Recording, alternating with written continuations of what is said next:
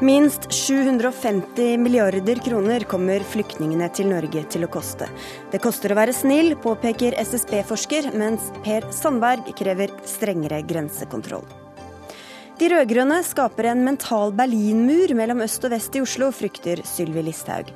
Langt ifra, nå blir forskjellene redusert, parerer det nye byrådet. Norge må kreve uavhengig gransking av sykehusbombinga i Kundus, krever Leger uten grenser, men får ikke regjeringa med på laget. Og vi har droppet palmeoljen, men er soyaimport egentlig mye verre?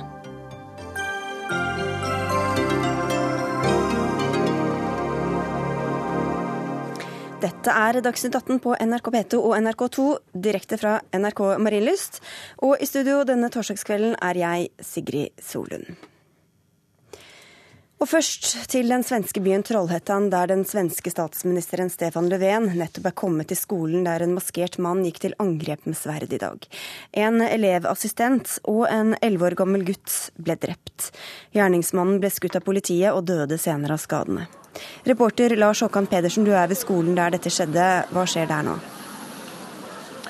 Ja, eh, Akkurat nå så, så, er det fortsatt samlet uh, flere hundre mennesker uh, utenfor skolen. Er, nå begynner mørkene her, så nå, nå tenner man lys. Folk står i grupper og snakker sammen. Det er jo et stort presseoppbud her fra alle de skandinaviske landene. og og Folk er sjokkerte. Jeg snakket med en her i sted som sier at det fins ikke ord for det som har skjedd her. Det var jo to personer til som ble skadet i angrepet. Hva vet du om hvordan de har det? Det siste vi vet er at de er eh, kritisk eh, skadd. Eh, gjerningsmannen han stakk jo disse personene med en lang sverdlignende gjenstand. Og de har fått veldig alvorlige stikkskader, sånn at det er veldig også uvisst hvordan det går med dem. Og denne gjerningsmannen som nå er død, hva vet vi om ham? Ja, Det er en 21 eh, år eh, gammel mann som eh, bor ca. 3 km fra skolen her. Han er etter det jeg oppfatter etnisk svensk. Det er ikke Vi vet lite om motivet hans for å gjøre dette her. Men han kom jo da kledd i en maske, en Star Wars-maske skal det være. og og utførte denne ugjerningen. Men eh, det er ikke opplyst navnet hans eller noe mer om, eh, om han. Takk skal du ha, Lars Håkon Pedersen. Og NRK følger denne saken utover kvelden på nett og radio og TV. 750 milliarder kroner, det er kostnaden hvis asyltilstrømmingen blir så stor som myndighetene forventer fram mot 2017. Hvis hver asylsøker blir i Norge i 60 år, betyr det 12,5 milliard kroner hvert eneste år i utgifter. Erling Holmøy, du er forsker i Statistisk sentralbyrå, og det er tall eh, fra dere som er, ligger til grunn for dette regnestykket. Du har sagt at det høres realistisk ut, men hva er premissene for dette regnestykket? Ja, nå er det siste Dette med 60 år osv., det, det har jeg ikke tatt stilling til. Det er ikke blitt presentert før, før nå. Men 750 milliarder har jeg jo sett hvordan det er blitt regnet ut. Og Når jeg sier eh, at det er realistisk, hvorfor det blir så stort, så er det jo først og fremst fordi dette er en sum over veldig mange år, nærmere bestemt 86 år. Man har altså tatt eh, de virkningene vi lagde for eh, virkninger av ikke-vestlige innvandrere per år. Det regnet vi på virkninger for statens inntekter og utgifter og kommunenes fra en periode 2050 til 2100. Og så har de lagt til disse flyktningkostnadene som kommer i begynnelsen, og så har man oppjustert dette litt fordi det blir med familiegjenforening, og, og de jobber gjennomsnittet litt mindre enn gjennomsnittet, de som kommer fra Syria. Så det er erfaringer fra tidligere Ja, men ja. først og fremst er det viktig å få frem at dette tallet blir stort, som alle andre tall blir store, hvis du summerer over 86 år istedenfor å se på ett års tall. Det, og da er det basert på at de aller fleste får bli i Norge da livet ut? Ja, vi har, de, har, de, har, brukt våre beregninger, og da har vi lagt til grunn normale gjenutvandringsandeler. Eh, og de er ikke så store for denne gruppen her. Mm. Eh, og da er det mange som har sagt at syrerne som kommer har god utdannelse, men det er ikke et helt dekkende bilde? Nei, Det er det veldig få som vet noe om. Mm. Det er veldig mye uoppgitt utdanning blant særlig de som kommer nå. Men det lille man vet, tyder vel på at de ikke har så veldig høy utdanning. Eh, det ligger vel kanskje opp mot irakernes nivå, men heller litt under. Og, eh, og det er nok litt lavere enn det vi, det vi Det er klart lavere enn det man i gjennomsnitt har for innvandrere. Det er det. Og ut fra disse premissene og disse tallene, hvilke valg står da norske politikere overfor i årene som kommer? Ja, det er jo først og fremst eh, de store utgiftene. Netto kommer jo nå i, i startfasen. Da skal det jo være altså mottakskostnader og integreringstilskudd til kommunene, som ifølge de tallene jeg har fått, de har ikke jeg regnet på spesielt, men uh, det dreier seg vel om en million per stykk hvis man ser fem år over under ett. Så det er jo et betydelig beløp eh, som skal dekkes inn. Og eh, man har vel tre hovedmuligheter. Man eh, kan, kan, kan, bruke oljefondet. Dvs. Si at man skyver regningene over til neste år og årene deretter igjen.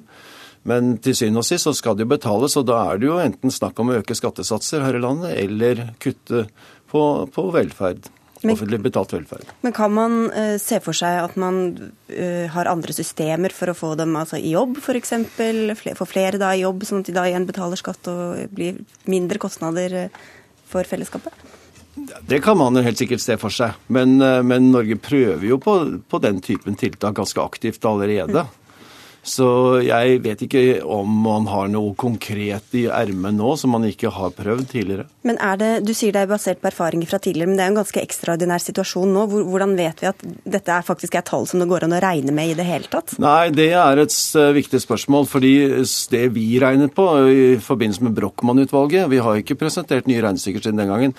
Da så ikke vi eksplisitt på flyktninger. Og flyktninger er eh, annerledes på en måte enn det vi så på. For det første så er det jo de store engangsutgiftene, eller femårsutgiftene som kommer i starten her, og som gjør at disse andre beløpene som Altså når man kommer i arbeid osv., det avhenger av når man blir bosatt og, og får rettigheter. Så, så, det er lite erfaringer her, men, men, det er jo helt sikkert at dette kommer til å koste en god del. Og det er viktig at man gjør seg realistiske oppfatninger i en usikker verden. Det skal jo betales, dette. Ja, det koster å være snill, har du sagt, eh, Per Sandberg. Om det blir 12,5 milliarder i året, eller hvor akkurat nøyaktig hvor mye den eh, regninga kommer på, hvordan skal dere få råd til det, samtidig som dere bruker masse penger på andre formål? Ja, det er så som, som det sies her, altså her er jo prognoser. Og så er det på, med bakgrunn i erfaring. Eh, og så må jeg få lov til å si at jeg er jo overraska over at eh, så mange plutselig er overrasket. Eh, for at eh, det snakkes om Brochmann-utvalget her. Eh, det var klar melding fra Brochmann-utvalget om at vi kunne ikke videreføre gårsdagens innvandring- og integreringspolitikk. Perspektivmeldinga har advart Stortinget klart og tydelig. Det regnskapet eller beregningene som Statistisk sentralbyrå har gjort tidligere. Eh, eh, de har vært godt kjent. Så det er jo ingen som kan være overraska over at vi får disse kostnadene nå. Og så blir det litt ekstraordinært og litt mer synlig nå. Gjennom det at du får så stor økning i 2015 og 16 og 17 kanskje. Men, men, men advarslene kommer jo uavhengig av det vi opplever nå. Så kostnadene har blitt enormt uavhengig av hvorvidt at vi har hatt noe kriser og økt tilstrømning nå.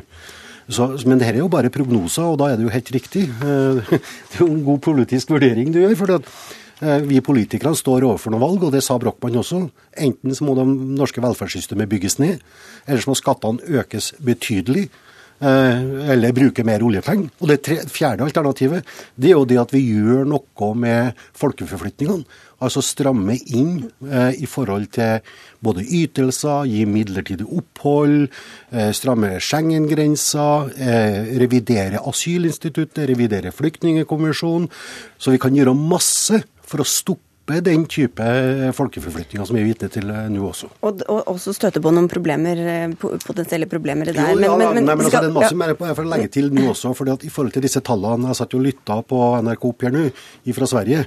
I Sverige bare i 2016 så dobler man prognosene i milliarder for å ta imot denne flommen av eh, flyktninger. Men da er jo spørsmålet, Geir Toskedal, du er stortingsrepresentant for Kristelig Folkeparti, hvordan dere ønsker å betale for dette?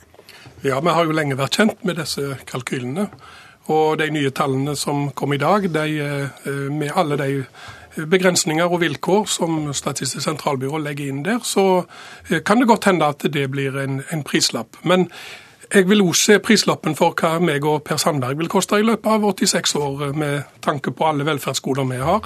Er det trukket ifra? Eh, hva med hvis vi får til en mye bedre integrering og bosetting?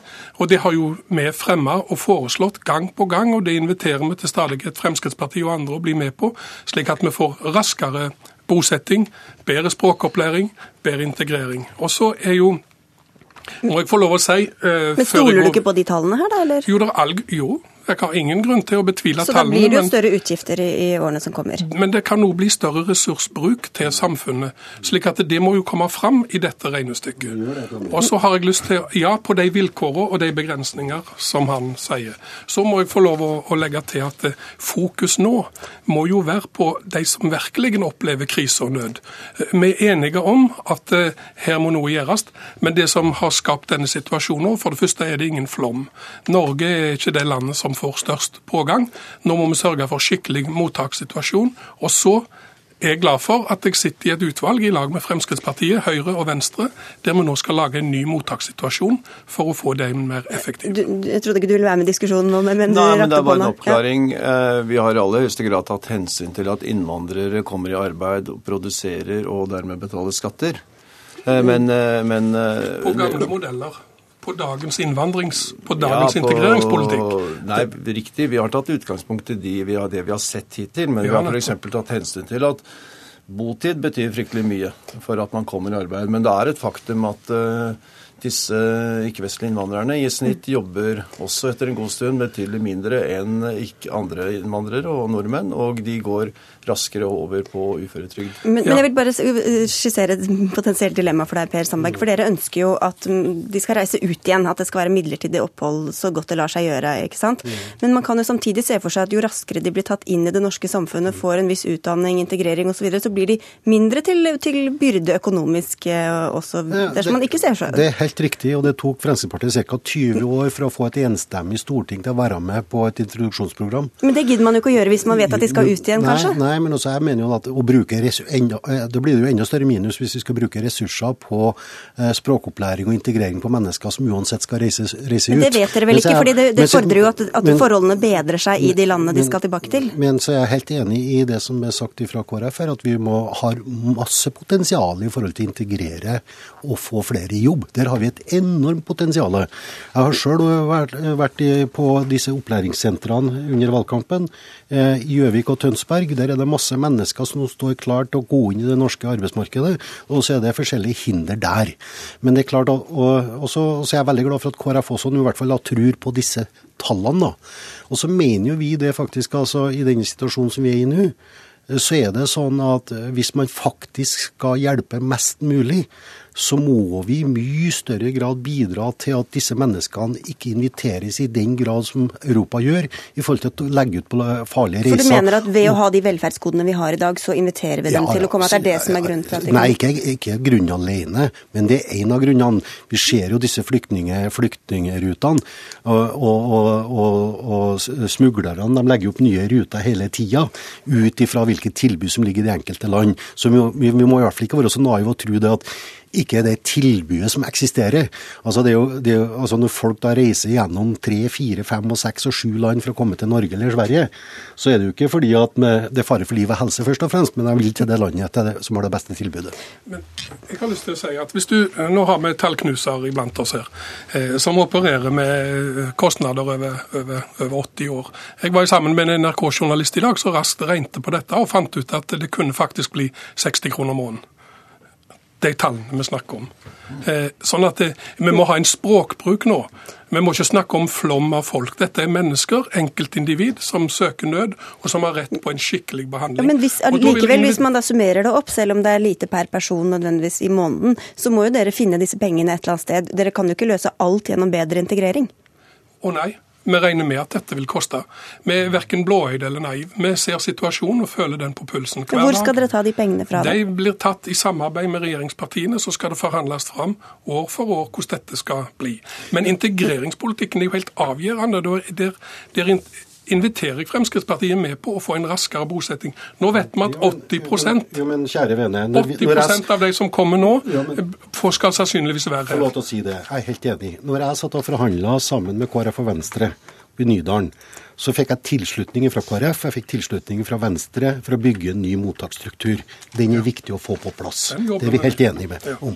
Men så er det også sånn, da, og jeg er litt enig også, La oss ha litt mindre fokus på det langsiktige, da, selv om tallene er helt korrekte. Men husk på at de 750 milliardene her, det er for tre år. Vi har, has, har også hatt innvandring før den tida. Advarslene kom på et langt tidligere tidspunkt. Så vi har allerede pådratt oss eh, påløpte utgifter og forpliktelser på flere hundre milliarder ja. allerede. Det er jo det som er litt av poenget. Og vi har allerede ønska en bedre integreringspolitikk. Ja, men Integrering løser ikke dette. Men ta det korte, da. Ja, men, For bare tilleggsmeldinga nå vil nok vise det at utgiftene bare i 2016 vil nærme seg 10 milliarder kroner. Og Halmøy, du hadde en rask replikk her på, ja, Det er veldig viktig at det er ikke 750 milliarder per år. Det er en Nei, det var i det lange løpet. År. Også, mm. jeg tror De beregningene vi har er egentlig ikke så relevante for det de nå skal ta stilling til, nemlig de nærmeste årene. Da tror jeg et godt utgangspunkt for å starte seg er 1 million drøyt per stykk. Men med 100 000 I løpet av ja, det er 50 milliarder på fem år. Ja. Kongen ja. sa det godt i går. Nå må vi vise hva som bor i oss. Det er veldig godt sagt denne, for å ha et perspektiv på, på, det som nå skjer. De som skal ut, skal ut. Og de som har rett på beskyttelse og beskyttelse, de må vi ta godt vare på. Og så skal dere forhandle, og så får vi ønske lykke til med det, og si takk for at dere var med i Dagsnytt 18 i dag. Takk skal dere ha.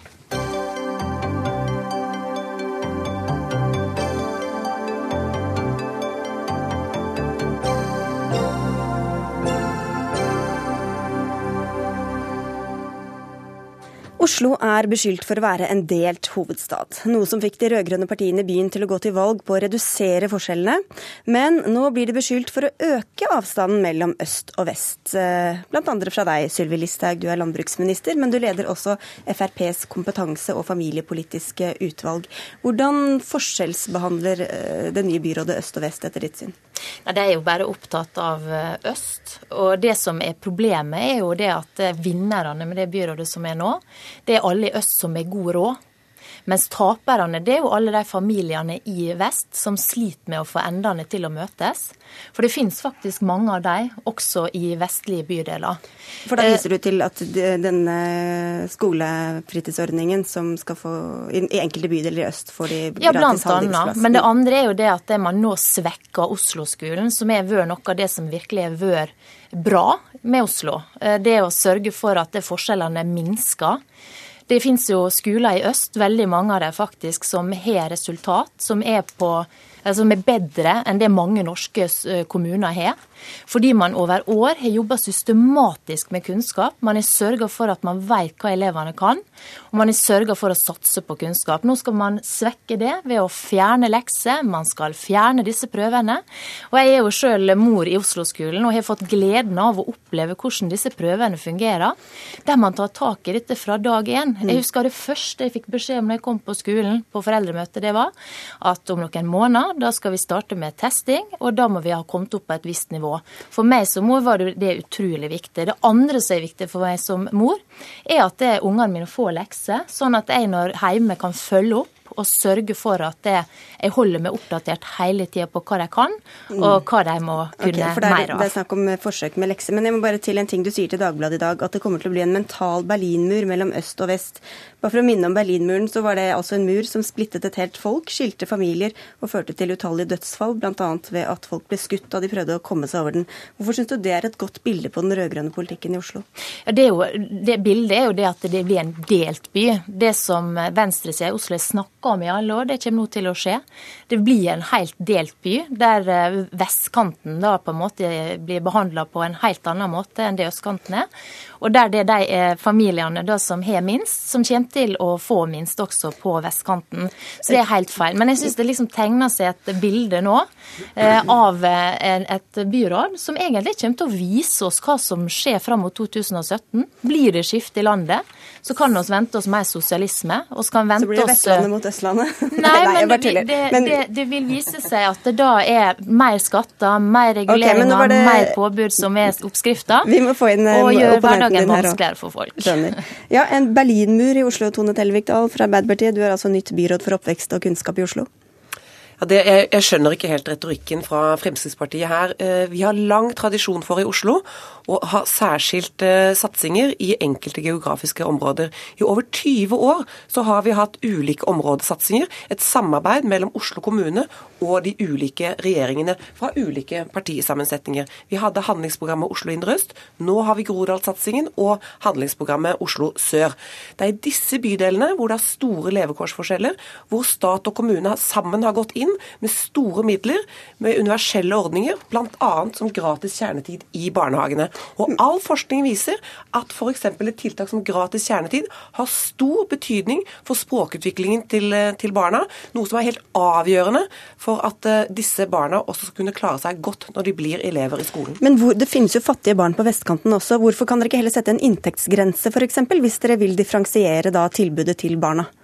Vi ønsker å følge opp eh, områdesatsingens eh, filosofi ved at vi går inn med enda et nytt tiltak som kan være med å øke språkkompetansen til barn. Men hvorfor ikke heller se på inntekt eh, hos foreldrene i stedet for å se på geografiske avgrensninger? Gratis kjernetid i AKS handler ganske mye om å skape en god arena for språkutvikling. Det viser forskningen at AKS kan være med og bidra til. Og uten god språkkompetanse så vil ikke elevene kunne lykkes på skolen. Men det er ikke svar på det jeg spurte om. Nå kommer jeg til, nå kommer jeg da til kjernen. Fordi det er en kjensgjerning at eh, språknivået til elever på østkanten er dårligere enn på vestkanten. Eh, den som påstår noe annet, kjenner ikke Oslo godt nok.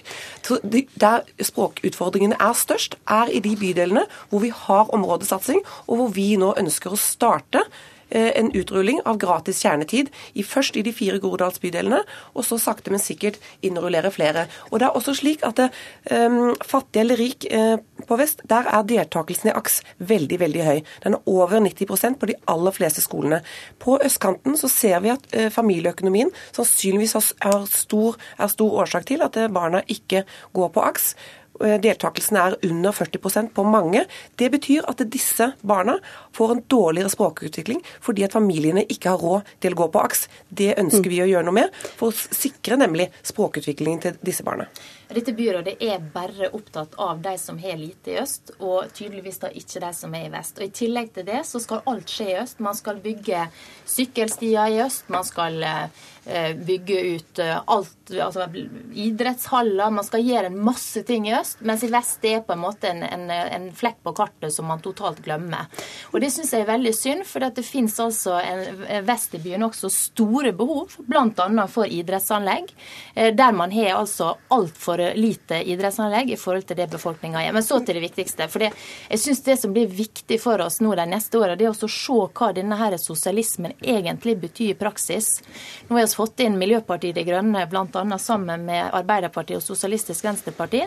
Og det vi ser så langt, er mer skatter, eh, mer reguleringer, mer påbud, Men nå ser vi på dette øst-vest eh, Ja, men det er veldig viktig, for dette handler om hverdagen til vanlige folk, enten du bor i øst eller vest. Jo, jo, men nå var det øst-vest øst, versus vest vi snakke om. Bare, men bare et spørsmål til, til Suri Listhaug. fordi Solveig Horne, din regjerings- og partikollega, har jo skrytt av gratis kjernetid i barnehager i enkelte bydeler i Oslo, og sier at det gir bedre skoleresultater. Hvorfor er det da så ille å bruke akkurat det samme virkemidlet på skoleelevene?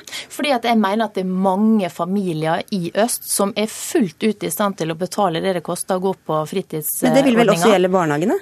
Ja, og det mener jeg at en også er i stand til i øst når det gjelder barnehager. Men så er det jo Men hva er forskjellen da på gratis kjernetid i barnehagen og gratis kjernetid på aktivitetsskolen? Det er fordi noen områder i øst har større utfordringer enn andre områder i øst. Det er jo også store forskjeller. Altså I en del boligområder i øst så har de bedre råd enn i en del Eh, boligfelt der du har, leiligheter.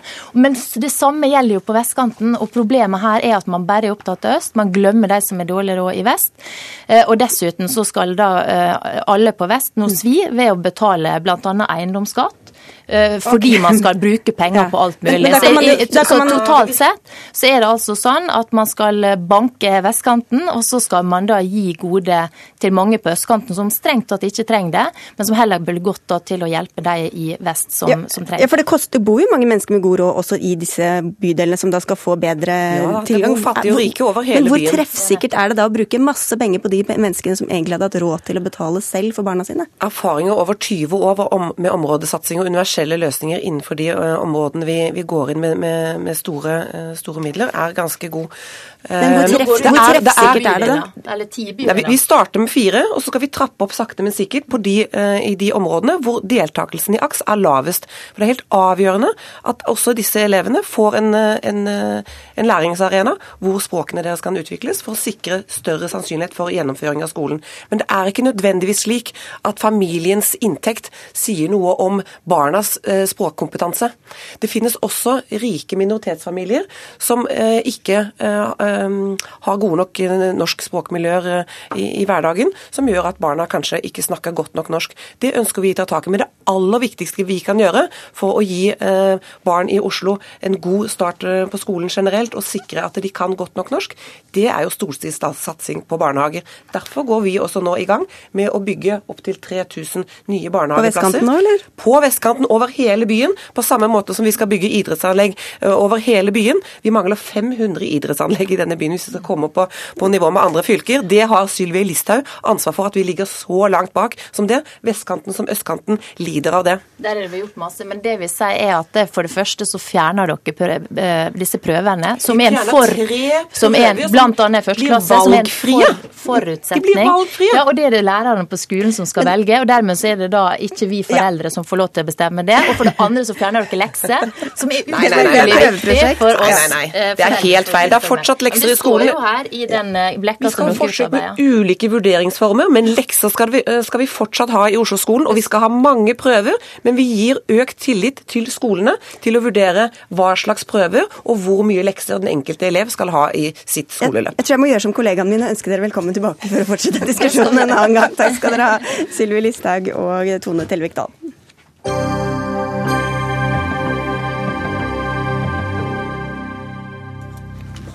Forbruket av palmeolje har aldri vært lavere enn i dag.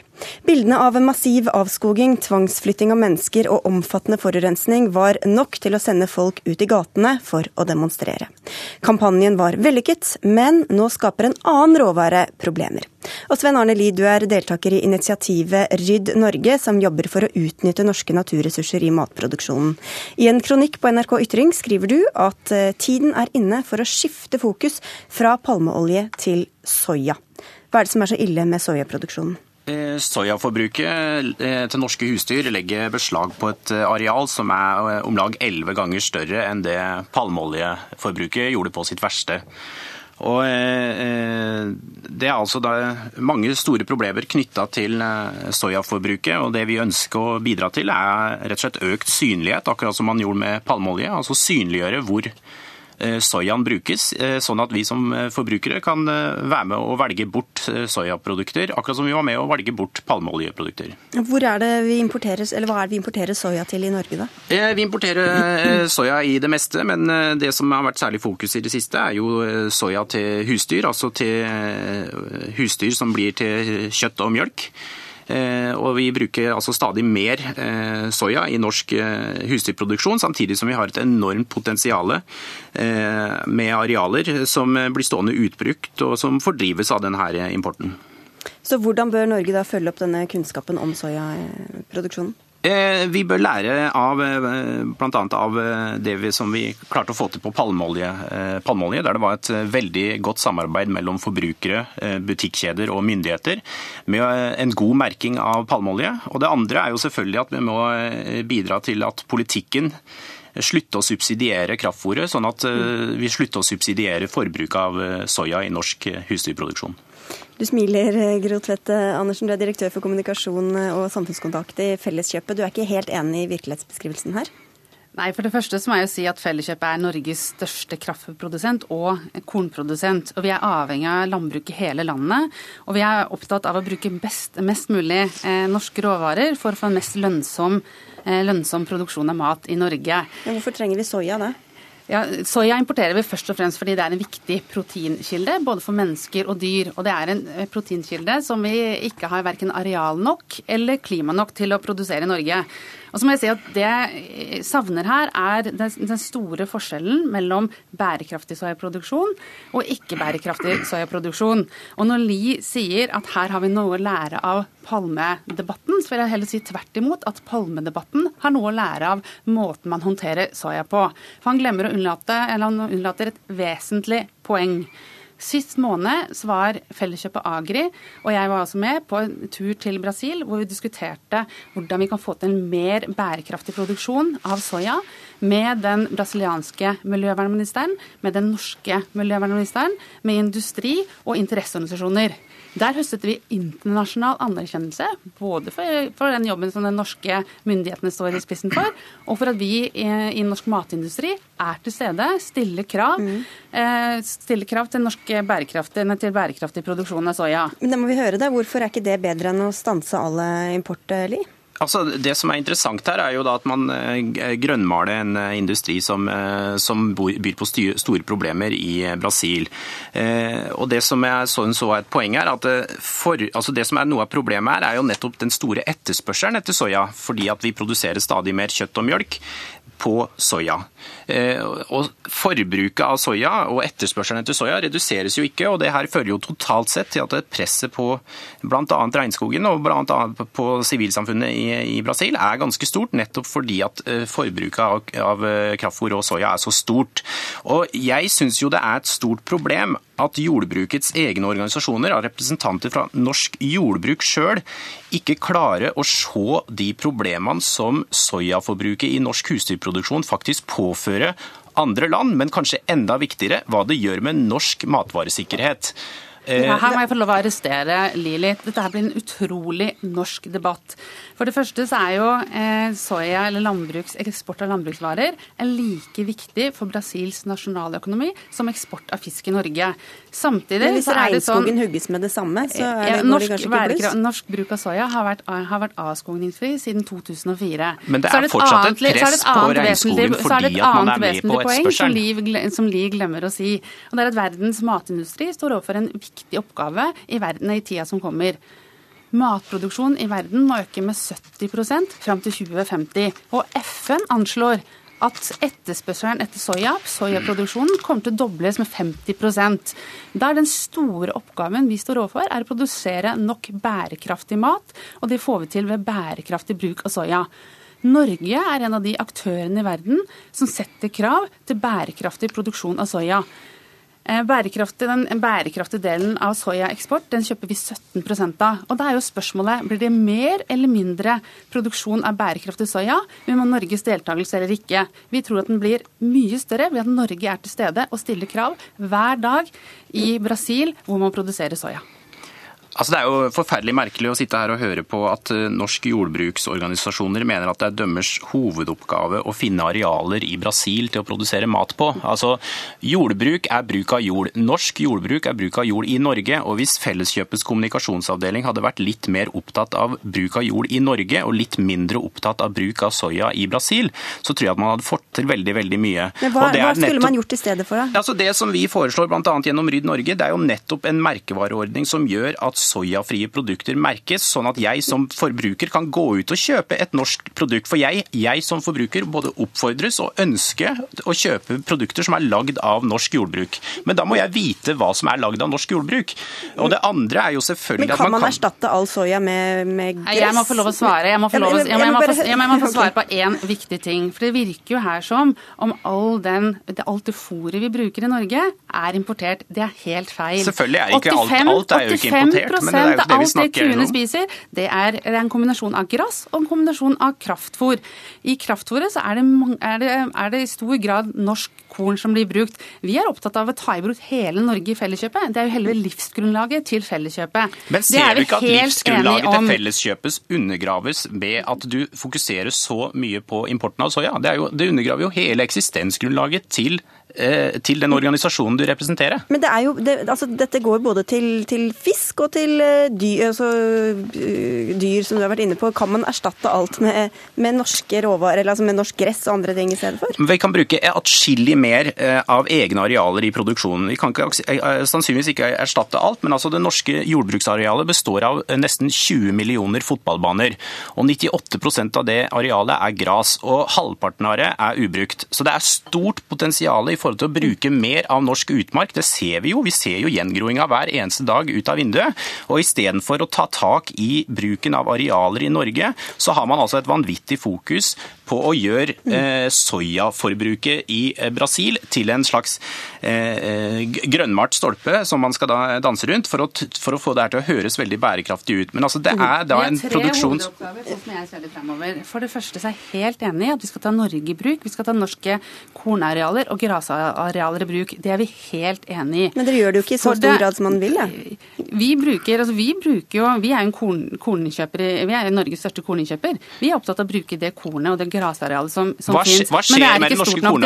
Norske grasarealer? Vi må avslutte, vi må bare avslutte veldig kort. Ja. det, andre, det, andre, vi skal gjøre, er å satse på, på alternative proteinkilder i Norge. Derfor bruker vi i matbransjen hundrevis av millioner for å forske frem det. Vi får si tusen takk i denne omgang til dere begge to, eh, Sven Arne Lie fra Rydd Norge og Gro Tvedt Andersson fra Felleskjøpet.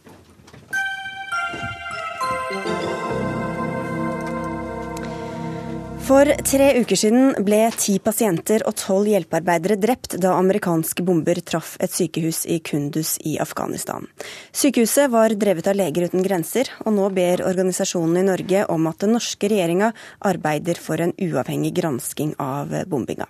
Så langt har allerede USA, Nato og Afghanistan opprettet hver sin undersøkelseskommisjon.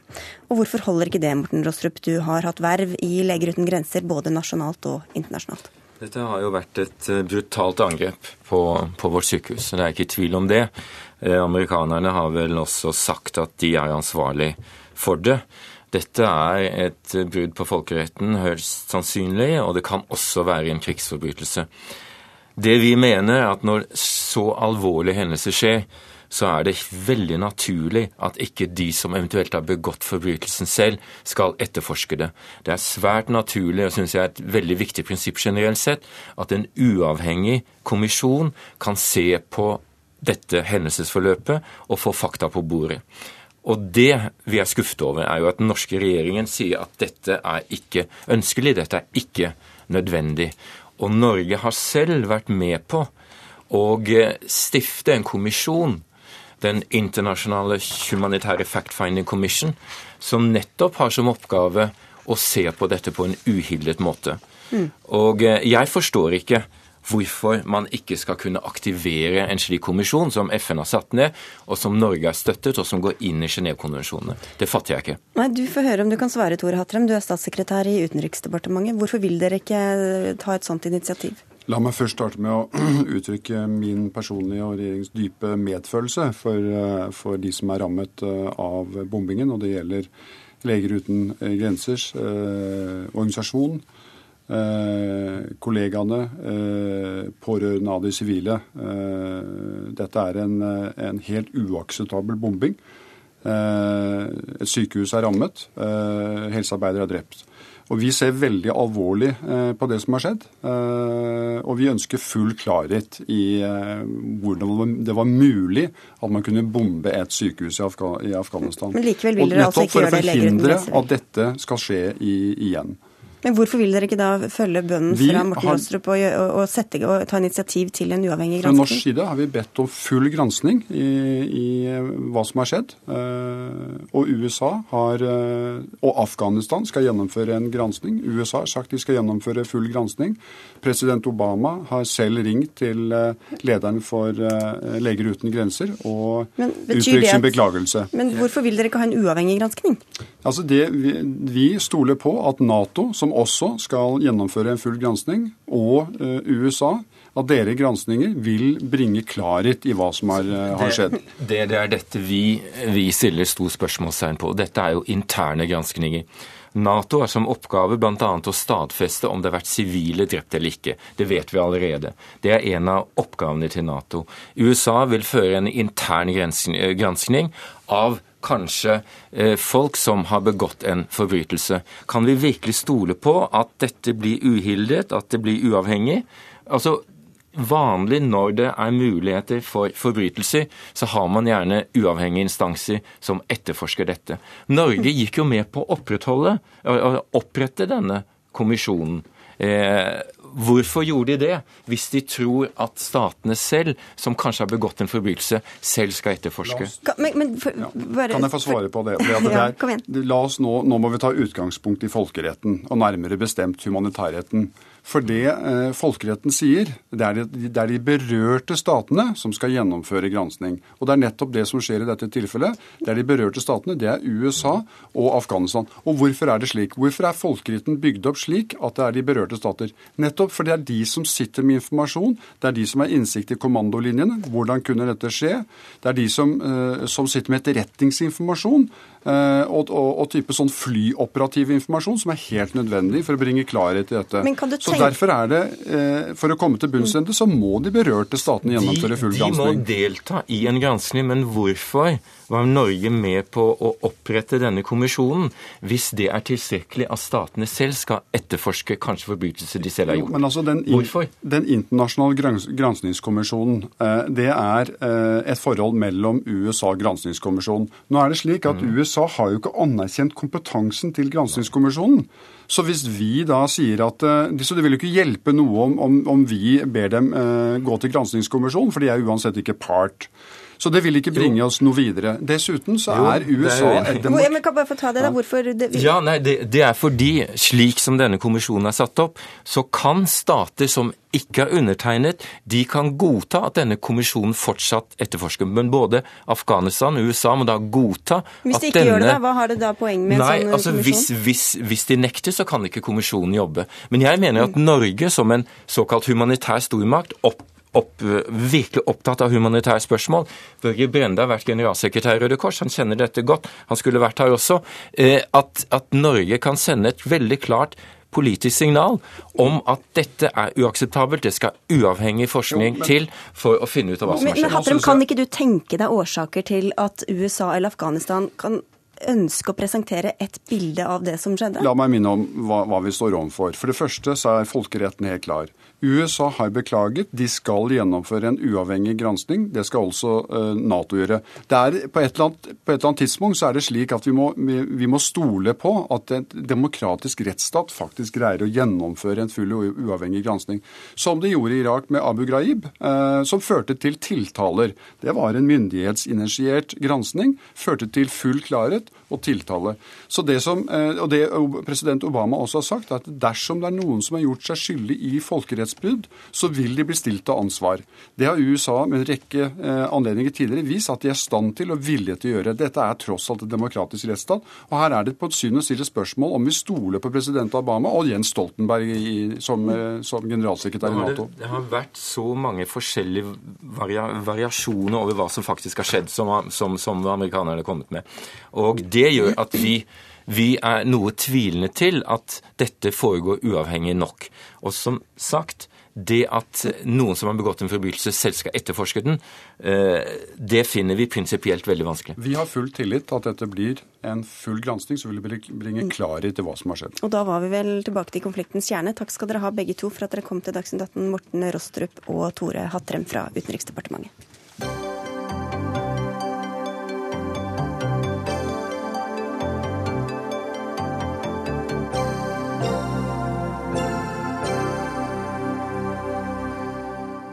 En ekstraregning på 55 millioner kroner, det er hva Hurtigruten kan vente seg med det nye budsjettforslaget som regjeringa har kommet med. Her legges det opp til høyere moms og arbeidsgiveravgift, en endring både LO og NHO Reiseliv ber om å få konsekvensutredet før det blir realisert. For det er altså konsekvensene dere frykter for, Daniel Skjeldam, du er konsernsjef i Hurtigruten. Hva fører disse endringene til for deres del? Nei, det er klart, eh, Aller først har jeg lyst til å si at intensjonene til regjeringa er jo i utgangspunktet god. For de snakker om omstilling, og de snakker om behovet for et grønt skifte. Og så langt følger vi regjeringa veldig bra. Men utfordringa er at den praktiske politikken går i stikk motsatt retning.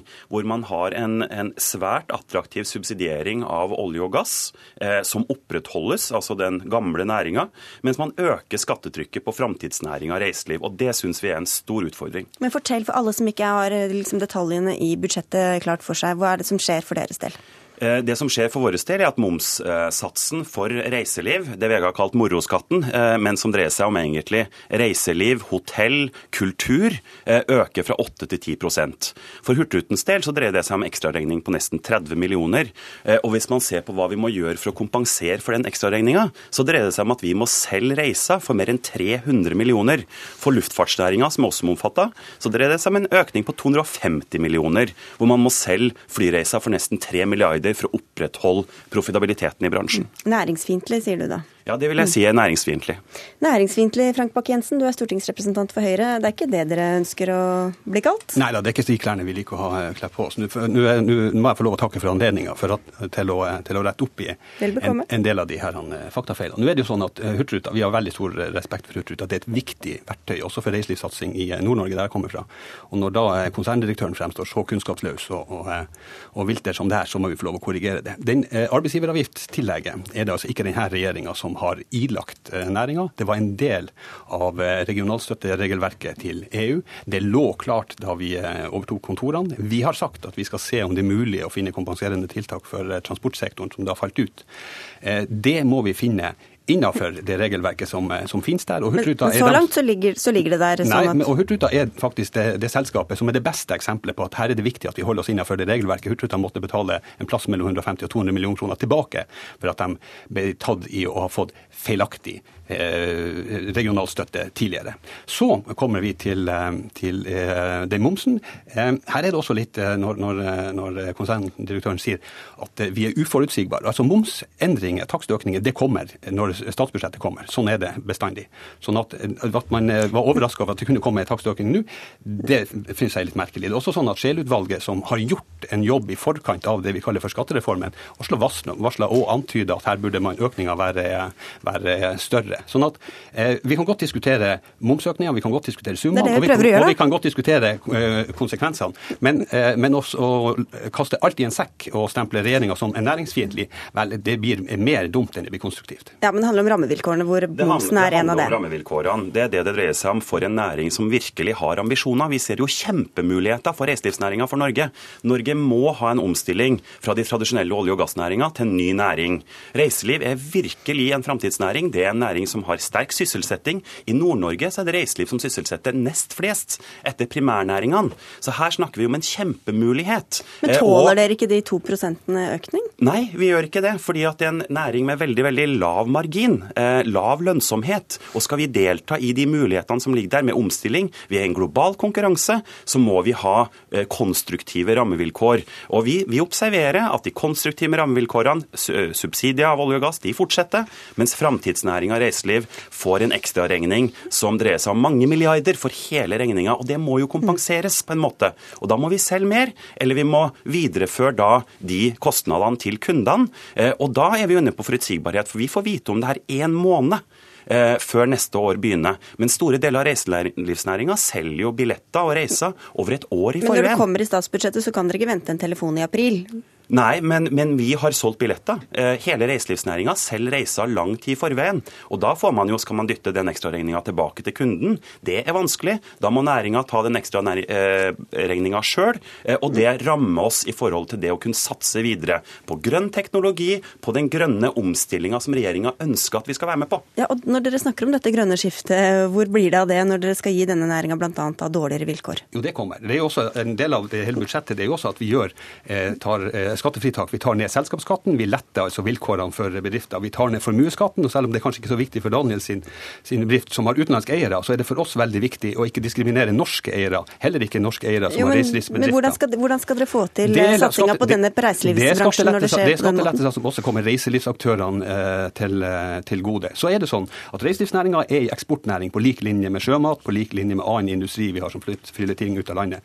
Vi har hatt, Den norske valutaen har endra seg, sånn at man har et eh, pluss på 30% i forhold til den på et år. Det styrker reiselivsnæringa stort. Vi har en oljepris som er halvert i løpet av et år. Det styrker aktører som Hurtigruta eh, veldig bra i konkurransesituasjonen. Mm. Da kan man spørre seg ok, når vil ei sånn, eh, sånn økning være best å ta inn? Når de andre parametrene er veldig gode for næringa, sånn at man tåler ei økning, eller skulle vi ta det kanskje om en stund når de andre parametrene kan være annerledes, med en høy oljepris, med en sterk valuta, der det kanskje kunne vært, vært enda trangere å få den. Det er klart at alle økninger er ubehagelige, men, men det er faktisk sånn at, at en momsøkning er altså ikke det verste som har truffet den der. Og dere klarte dere godt med en sterk krone?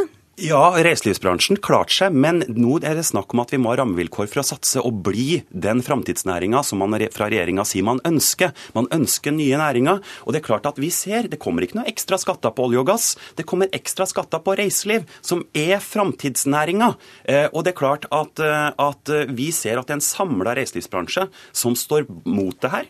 Det er LO, det er NHO Reiseliv, det er flyselskapene, det er hotell, det er andre reiselivsaktører. Og vi frykter jo at det her kommer til å ramme mange av de små aktørene med små marginer. Eh, og så sier Frank Bakke-Jensen at, at, eh, at, at profittmarginen skal man skattlegge mindre. Men det er klart, eh, reiselivsbedrifter har under 10% i profittmargin. Så skal man redusere den 2% Så det hjelper ikke med skattelettelser? Topp... Nei, det hjelper ikke i det hele mm. tatt. For man øker skatten med 2% på topplinja, altså inntektene, og så skal man ta bort 2% på det som er båndlinja, som er lav i reiselivsbransjen i dag. Da får du 20 sekunder til slutt her.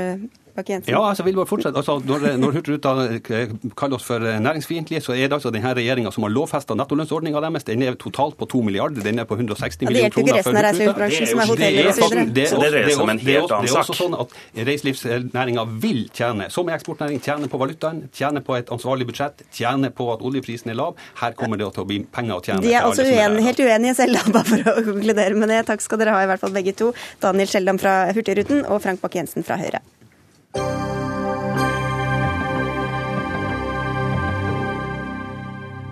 Tidligere i år kom helseministeren eh, med forslag til nasjonal helse- og sykehusplan. I dag kom Senterpartiet med sin alternative plan, nettverksmodellen. Og det er ikke mange likhetstrekk her, for dere slår fast at lokalsykehusene fortsatt må ha både akuttkirurgi og akuttmedisin. Kjersti Toppe fra Senterpartiet, du er nestleder i helse- og omsorgskomiteen. Hva mm. annet går planen ut på enn å fortsette akkurat som i dag, mens dere skifter navn til nettverksmodellen? Eh, vårt forslag er jo ikke å fortsette som i dag. Det er en ny retning for, for eh, helsevesenet. For vi er enig med eh, Bent Høie i at å fortsette som i dag, det er ikke et alternativ som er en av hans sine modeller. Og så vi avviser alle hans sine tre utviklingsretninger. Vår modell går ut på at vi fortsatt må styrke lokalsykehusfunksjonene i helsevesenet, fordi det er der de fleste pasienter blir behandla, og det er der de fleste pasienter trenger behandling òg i eh, framtida. Da må vi sikre eh, disse sykehusene en god breddekompetanse, inkludert både, både, kirurgi og eh, medisin. I tillegg så må framtidas sykehus baseres på samarbeid og ikke på konkurranse, slik situasjonen er mange plasser i dag.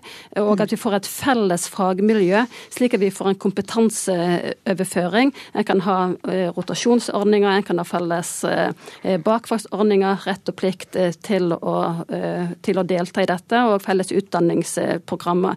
Mm. Hvis en da, og det er Et slikt samarbeid, et nettverk, det inkluderer både store og små sykehus, som da får ansvaret for, for spesialisthelsetjeneste i det området. Og Dermed blir òg okay. disse befolkningsgrensene, som har vært veldig masse debattert, de blir da mindre relevant, fordi at her skal det være en tydelig arbeidsdeling. sånn at en, at en eh, utfører, eh, utfører sykehustjenester der eh, som det er mest aktuelt, og der som en har kompetanse og kapasitet. Ok. Kristin Ørmen Johnsen, du er medlem i helse- og omsorgskomiteen for Høyre. og Dere hadde tre alternativer selv. Nå har dere fått et inn fra sidelinja her. Hva syns du om det?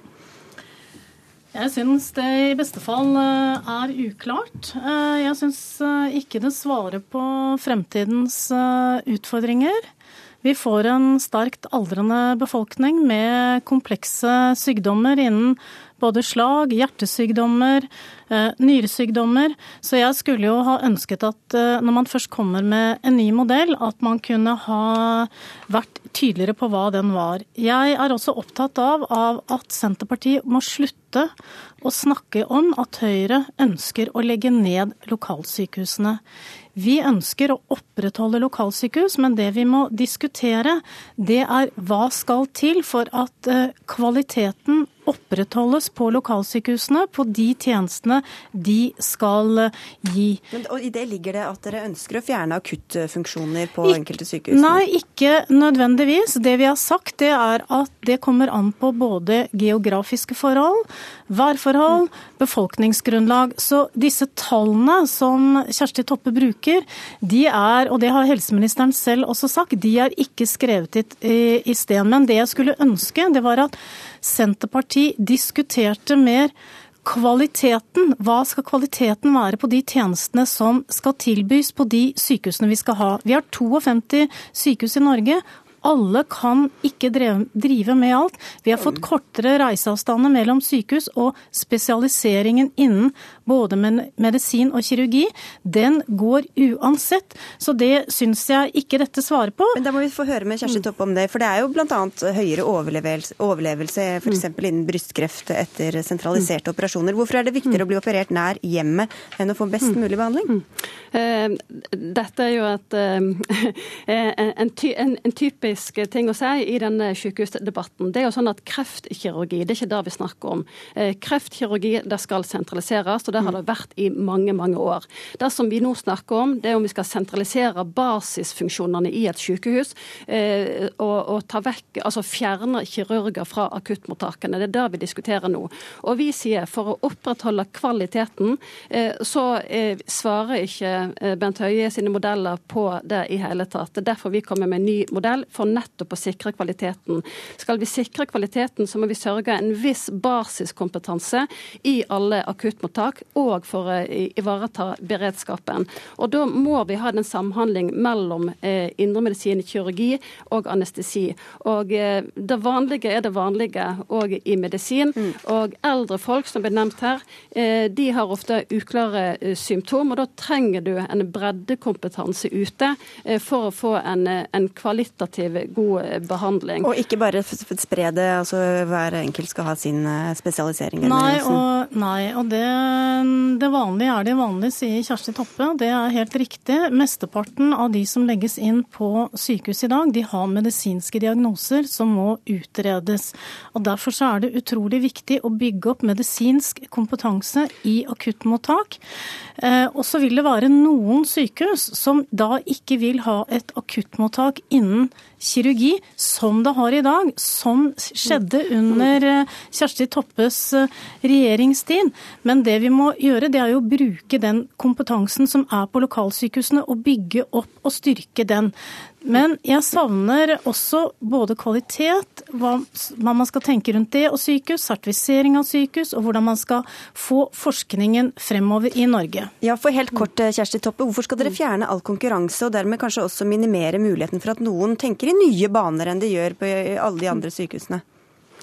Det, det, viser seg at den eh, konkurransesituasjonen som på en måte er politisk skapt mellom sykehus i dag, eh, den fører ikke til bedre kvalitet. Den fører til at kompetansemiljøet eh, blir forvitre, og at du, du, du får et, hvert sykehus på, på si tue, og ikke dette her faglige samarbeidet som, som, vi mener en er nødt til å ha dersom en skal skape et sykehusvesen i, i, i framtida som er bærekraftig, og som kan skape likeverdige offentlige eh, helsetjeneste. Så syns jeg òg at Kristin Ørmen Johnsen eh, ikke eh, er tydelig. altså Hun framstiller det som at Bernt Høie har sagt noe annet. De tre forslagene som kom i sykehustalen i januar, det innebar jo enten en sterk sentralisering av både indremedisin og, og kirurgi, eller en sentralisering av kuttkirurgi. Og det er det vi forholder oss til nå, okay. og, og eh, ikke er enige i det. Tida løper så fort. Du får avslutte helt kort. Ja, Vi må jo minne om at planen eh, ikke er lagt frem. Det skal være en plan for fremtidens Norge. Den skal sikre gode og trygge